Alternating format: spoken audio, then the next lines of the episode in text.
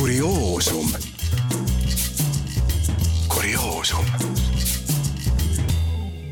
tere, täna piilume, mis oli Perno Postimehes uudist juunikuus enam kui sada kolmkümmend aastat tagasi.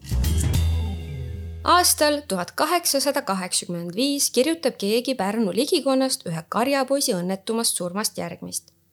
viiendal juunil tegivad karjased viluilma pärast tuli maha üks kaheteistaastane poiss ronis väikese männa otsa, kui teised üksteise õhinal männa alla põleva tule peale oksi kokku kantsivad.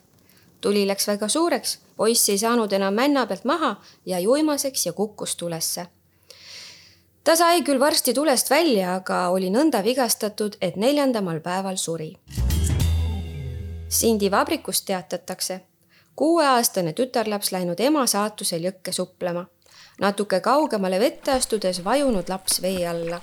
ema, kes kaldalt seda näinud, ei ole julgenud appi minna, sest tal tuttav olnud, et uppujad sagedasti ka päästjad vee alla tõmbavad ja lasknud lapse ära uppuda.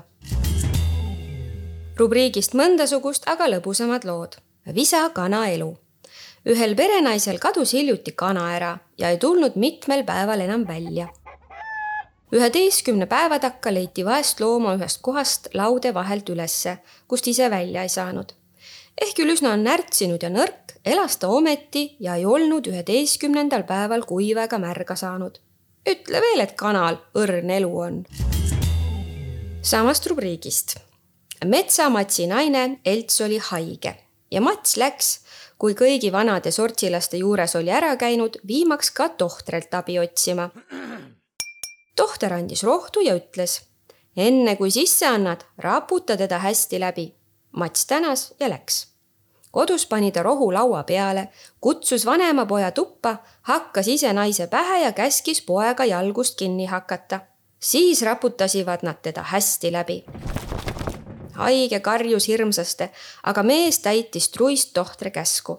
pärast andis rohu sisse muidugi teada, et haigus seeläbi raskemaks läks Mats kaebas uuesti tohtrile ja nüüd tuli välja, et Mats rohu raputamise asemel naist raputanud oli, mis haigust hullemaks tegi. olge teie terved ja hoidke lõketest eemal. kurioosumini. kurioosum. kurioosum